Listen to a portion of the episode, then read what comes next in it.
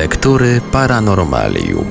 Dziś w Radiu Paranormalium zajrzymy do pozycji o bardzo ciekawym tytule Księga Tajemnic i Rzeczy Niezwykłych. Wyborem i opracowaniem historii, które znalazły się w tej książce, zajął się Thomas Decin. Ponad 60 różnych tajemnic i niezwykłości na prawie 300 stronach Księgi Tajemnic i Rzeczy Niezwykłych, którą w Radiu Paranormalium prezentujemy w odcinkach w całości.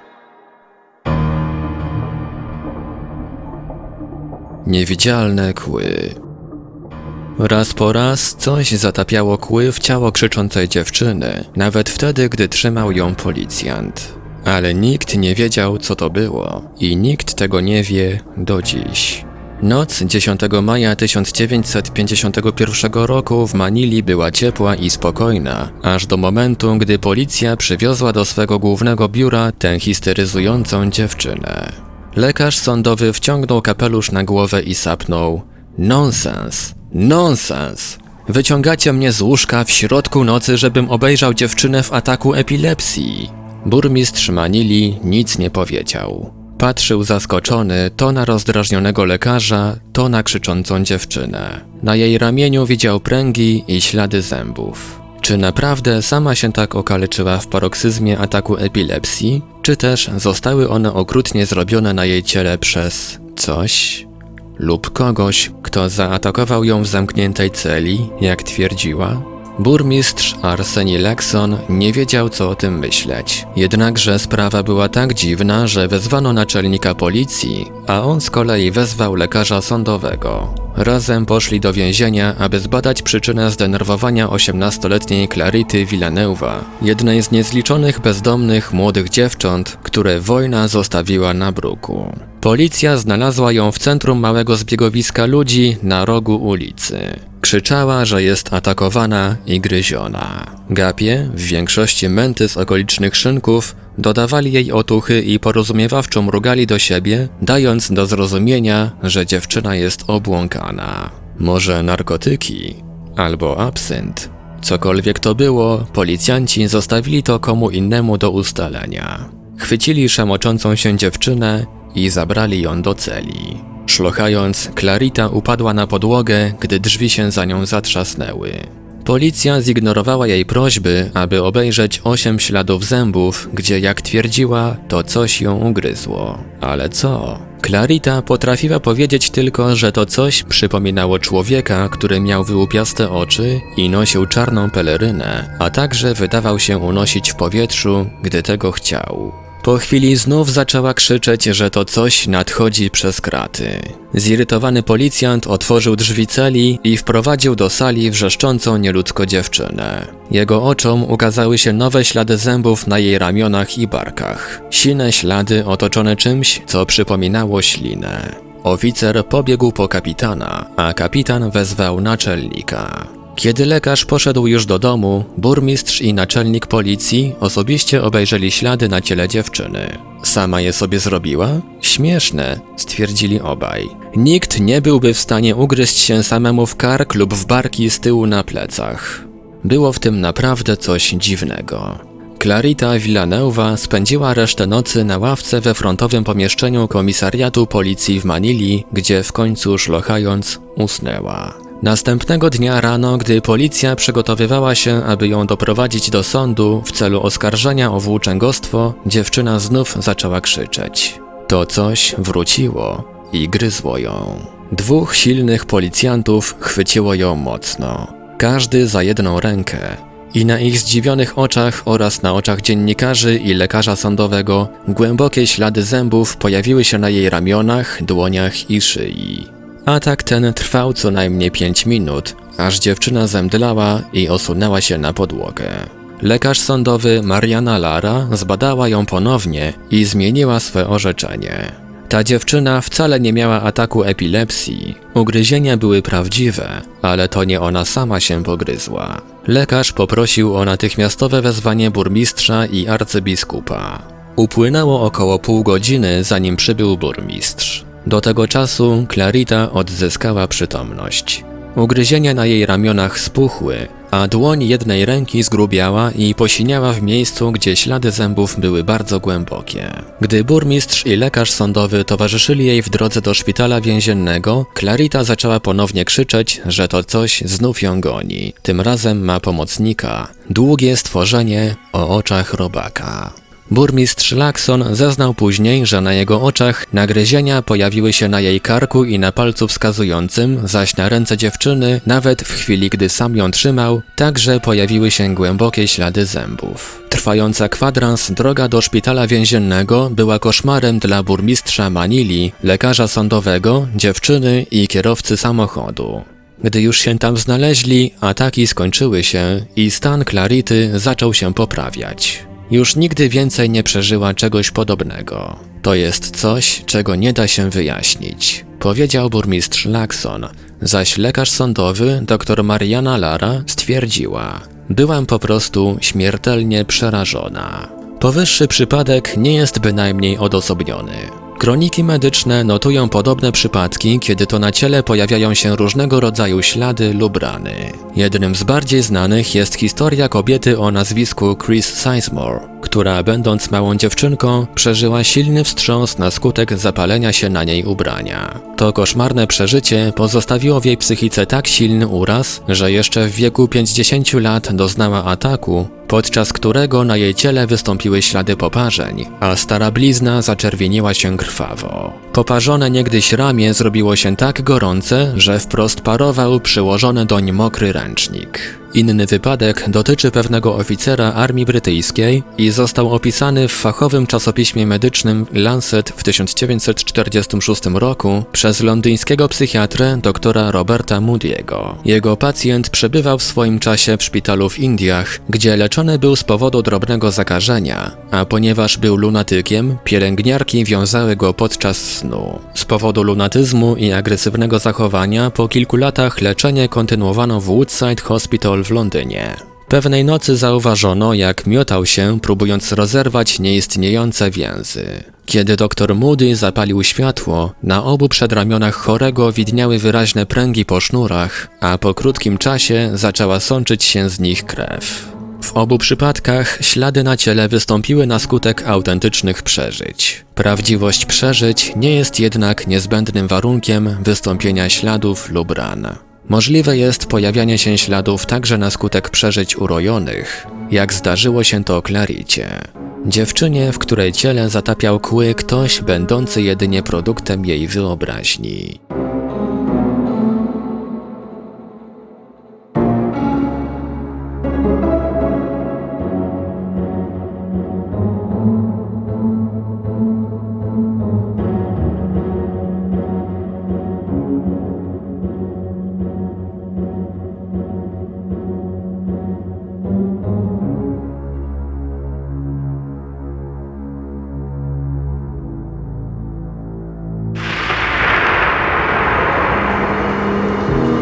Lektury Paranormalium.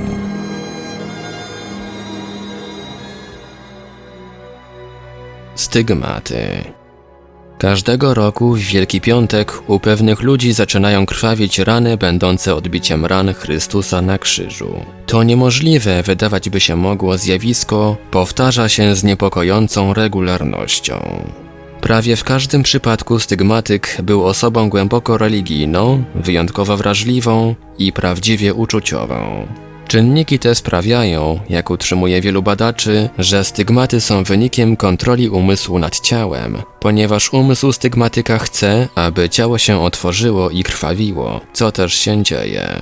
Inni wybitni uczeni stwierdzają, że domniemana kontrola umysłu nad ciałem jest absolutnie niewystarczająca, a w niektórych przypadkach zupełnie niemożliwa. Są to interesujące teorie, ale nic więcej. Dwoma najbardziej znanymi stygmatykami byli Teresa Neumann z Connersreuth w Niemczech i ksiądz ojciec Pio z klasztoru San Giovanni Rotondo w południowo-wschodnich Włoszech. Tych dwoje nadzwyczajnych ludzi, różniących się pod względem temperamentu i usposobienia, obdarowanych zostało wspólną fizyczną osobliwością krwawiącymi ranami, odpowiadającymi ranom ukrzyżowania. Dla panny Neumann był to stan, z którym musiała sobie radzić od 1926 roku, kiedy to na jej ciele po raz pierwszy pojawiły się rany. Podobnie jak rany ojca Pio, nigdy się one nie goją, ani nie ulegają zainfekowaniu. Dziesiątki tysięcy amerykańskich żołnierzy odwiedziło księdza Pio podczas II wojny światowej. Jego rany krwawiły wówczas bezustannie, jak zresztą od wielu już lat. Ojciec Pio wyróżniał się jednak czymś szczególnym. Miał wszystkie pięć znaków ukrzyżowania, po jednym na każdej ręce i stopie oraz długą na około 8 cm ranę ciętą na boku, z której płynąca krew nasączała 3 do 5 chustek dziennie. Jest on pierwszym oficjalnie zarejestrowanym księdzem katolickim, mającym regularne święcenia kapłańskie, który posiada wszystkie pięć stygmatów. Ojciec Pio urodził się jako Francisco Porgione we włoskiej prowincji Benevento w 1887 roku. Pochodził z licznej rodziny chłopskiej. Jako mały chłopiec wykazywał oznaki wyjątkowej pobożności i w wieku kilkunastu lat wstąpił do zakonu ojców franciszkanów, aby kształcić się tam na duchownego. Nie wyróżniał się niczym niezwykłym aż do 20 września 1918 roku. Tego dnia rano, jak zwykle, zaczął dzień modlitwą. Nagle zrobiło mu się słabo i stracił przytomność. Kiedy potem otworzył oczy, odkrył, że jego ręce i stopy są przekłute i krwawią. Po kilku chwilach otworzyła mu się brocząca krwią rana na boku. Bracia zakonnicy wezwali lekarzy, ale ci nie potrafili zatamować krwawienia. Badania wykazały, że ksiądz Pio ma przedziurawione na wylot dłonie i stopy, a cięta rana na boku ma kilka centymetrów głębokości. Wszystkie te rany były trwałe, i od tamtego momentu aż do dziś ciągle krwawią, pomimo podejmowanych uporczywych i bezustannych wysiłków, aby je wypalić lub wyleczyć. Dla władz Kościoła katolickiego wiadomość o stygmatach ojca Pio nie była niczym innym, jak tylko następnym rozdziałem starej historii. Przez wieki zarejestrowano ponad 300 stygmatyków, w większości zakonnic i zakonników. Zgodnie z dawno już ustalonym trybem postępowania w takich przypadkach, Kościół nakazał ojcu Pio nie pokazywać się publicznie przez dwa lata. W tym czasie był on poddawany intensywnym badaniom zarówno przez autorytety z zakresu medycyny, jak i władze kościoła, a kiedy badania się już zakończyły, ponownie pozwolono mu pokazywać się publicznie. Badania te wykazały m.in., że rany są trwałe i bezsprzecznie obecne oraz że wyjątkowo pokorny i chrześcijański tryb życia ojca Pio sprawił, iż doświadczył on tak szczególnej łaski. Aby zabezpieczyć się przed pogonią za sensacją, nakazano mu, nakazano mu, aby nie pokazywał swych stygmatów bez uprzedniego uzyskania specjalnego pozwolenia. Ojciec Pio nosi zwykle cienkie brązowe rękawiczki zakrywające rany na rękach. Zdejmuje je tylko wtedy, gdy odprawia mszę. Tak jak u Teresy Neumann, krwawienie z ran jest najbardziej obfite w Wielki Piątek, co potwierdzają liczni świadkowie. W miarę jak sława ojca Pio rozchodziła się po świecie, tysiące chorych ludzi przybywało do San Giovanni Rotondo, aby prosić go o modlitwę w ich intencji. A dziś obok klasztoru stoi nowoczesny szpital, nazwany imieniem burmistrza Nowego Jorku Laguardi, który pomógł zgromadzić fundusze na jego budowę. Pojawienie się stygmatów nie zostało jak dotąd wyjaśnione w sposób niepodlegający dyskusji. Są one niezaprzeczalnym faktem, ale dlaczego na ciele niektórych ludzi występują krwawiące rany, odpowiadające ranom męki Chrystusa i jaki jest tego mechanizm, nikt nie jest w stanie powiedzieć. Wiadomo tylko, że ma to związek z wiarą religijną i że jest to najprawdopodobniej jakiś fantastyczny przejaw wpływu psychiki na ciało. Znaczyłoby to, że człowiek mógłby w ogromnym stopniu wpływać na zachodzące w jego organizmie procesy fizjologiczne, chemiczne i inne. A gdyby tylko wiedział, jak opanować tę drzemiącą w nim siłę, prawdopodobnie można by wyleczyć wiele śmiertelnych dziś chorób.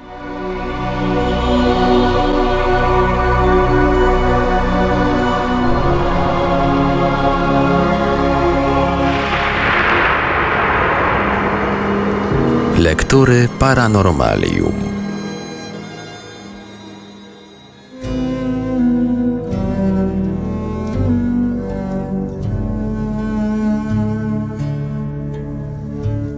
Płaczące obrazy.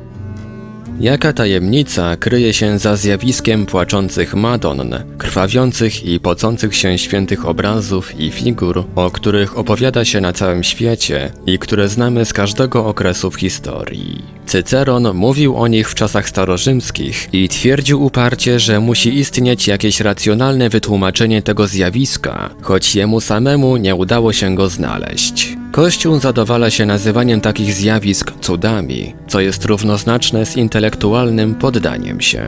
16 marca 1960 roku mała kolorowa litografia Madonny roniła łzy w domu pani Pagony Katsunis w Island Park w stanie Nowy Jork. Obraz ten, oprawiony pod szkłem, był prezentem ślubnym. Klęcząc przed nim podczas odmawiania wieczornych pacierzy, pani Katsunis zauważyła, że coś błyszczy na twarzy Madonny. Przyjrzawszy się z bliska, wydało jej się, że oczy Madonny otworzyły się i zamknęły.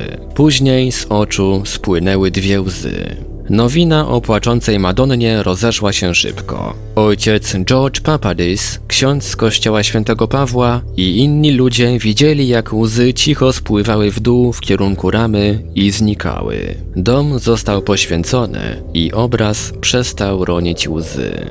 W Syrakuzach we Włoszech 29 sierpnia 1953 roku figurka będąca prezentem ślubnym, przedstawiająca niepokalane serce Marii, zaczęła płakać nad łóżkiem pani Antonety Januso. Łzy płynęły z przerwami przez pięć dni. Tak jak w przypadku obrazu pani Katsunis, analiza chemiczna wykazała, że ciecz ta to ludzkie łzy. W gazetach nic nie pisano o fizycznym ani psychicznym stanie zdrowia pani Katsunis, lecz podano dramatyczne szczegóły dotyczące Antoinety Januso. Oczekiwała ona narodzin dziecka. W czasie ciąży miała ataki epilepsji, od czasu do czasu traciła wzrok i mowę, wykazywała oznaki zupełnego wyczerpania nerwowego. Mówiono o zatruciu ciążowym, czyli toksemii, ale żadne leczenie nie przynosiło jej ulgi, do momentu, gdy figurka nie zaczęła ronić łez. Pod wpływem ogromnego podniecenia wywołanego przez to wydarzenie, powróciła ona do takiego samego kwitnącego stanu zdrowia, w jakim była, gdy prowadzono ją do ołtarza. Religia mówi o tajemniczym połączeniu. Jedność jest określeniem bardziej precyzyjnym. Poprzez ekstazę religijną lub trans, pani Katsunis i litografia Madonny w jakimś sensie się połączyły, stając się jednością. Cokolwiek by to pojęcie znaczyło, kształt i przestrzeń, które je rozdzielały, nagle zniknęły, i Madonna roniła teraz łzy pani Katsunis, jej własne łzy rozczulania się nad sobą. Po poświęceniu domu, ona sama poczuła się silna i zdrowa. Jej rozczulenie się nad sobą i łzy zniknęły, bo kobieta nie miała powodu do płaczu. W przypadku Antoinety ta wyjątkowa sytuacja wytworzona została przez przebiegającą nieprawidłowo ciążę. Poprzez głębokie uczucia religijne wytworzyła się jakaś tajemnicza jedność i po pięciu dniach ronienia łez figurka albo rozszerzona własna jaźń pani Januso sprawiła, że powróciła ona do zdrowia. Taka sama jedność może się wytworzyć z żywym wyobrażeniem Chrystusa na krzyżu i wywołane siłą psychiki rany pojawiają się w postaci stygmatów. Chrystus i cierpiący stają się jednością. Innym wariantem tego zagadnienia jest coroczne skraplanie krwi świętego Januariusza z Neapolu. Podczas ceremonii musi być obecna co najmniej jedna osoba, której krew stanowi jedność z ciemną, czerwonawą, skrzepniętą substancją w fiolce podawanej przez księdza do ucałowania. W jednym z przypadków, jakie notuje parapsychologia, użyto pośrednika, aby osiągnąć ów stan jedności. Była to Nona, tak zwany czysty duch pani Linczek Ignat. Podczas eksperymentalnego seansu w Oslo poprosiła ona, aby przed obrazem Madonny Sykstyńskiej siedziało siedem osób, modląc się żarliwie. Modliły się one gorąco, po czym łzy pojawiły się w oczach obrazu i spływały w dół po twarzy Madonny. Potęga uczuć religijnych, osiągając kulminacyjny punkt w uzyskaniu jedności, może być wyjaśnieniem brata Wilka w historii świętego Franciszka, a także jego znajomości języka ptaków. Jednym słowem, które określa potęgę uczuć religijnych jest wiara. Z badań nad wolnym kościołem zielonoświątkowym w stanie Kentucky, Tennessee oraz w części stanu Virginia i północna Karolina przeprowadzonych przez Bertolda i Schwarza opublikowanych w The Psychiatric Quarterly z lipca 1960 roku, wynika wyraźnie, że sam trans nie wystarczy, aby nadać członkom tej sekty odporność na działanie ognia, trucizn i ukąszeń węży. Ich wiara musi mieć siłę niezłomnej obsesji. Podstawowym elementem ich wiary jest dosłowna interpretacja Biblii. Podczas ceremonii chodzenia po ogniu, to jest rozżarzonych węglach, ludzie nie koncentrują się na Biblii. Dlatego też musimy dojść do wniosku, że religijna jedność nie zależy od wyznania. Są również inne sposoby, jak narkotyki, miłość, mistyczne śluby, seanse okultystyczne i głodzenie, aby w końcu osiągnąć najwyższą formę jedności, zwaną przez niektórych świadomością kosmiczną. To ją właśnie opisuje Walt Whitman jako niezwykłe światło. Światło rzadko spotykane, o którym nie sposób opowiedzieć, świecące światłem będącym poza wszelkimi znakami, opisami i językami. Według doktora Richarda M. Bucka doznanie to przychodzi nagle, bez ostrzeżenia, jako wrażenie zanurzenia się w ogniu różowego obłoku, czemu towarzyszy uczucie ekstazy oraz moralnego i intelektualnego oświecenia, kiedy to w jednej chwili ukazane zostaje umysłowi jasne pojęcie sensu i celu istnienia wszechświata. Człowiek, który doświadcza takiego przeżycia, zauważa, że kosmos jest żywą obecnością, że życie jest wieczne, dusza ludzka nieśmiertelna, że podstawą świata jest miłość i że szczęście każdego człowieka jest absolutnie pewne. Czy jest to rzeczywista prawda, czy tylko złuda wyprodukowana przez naszą psychikę?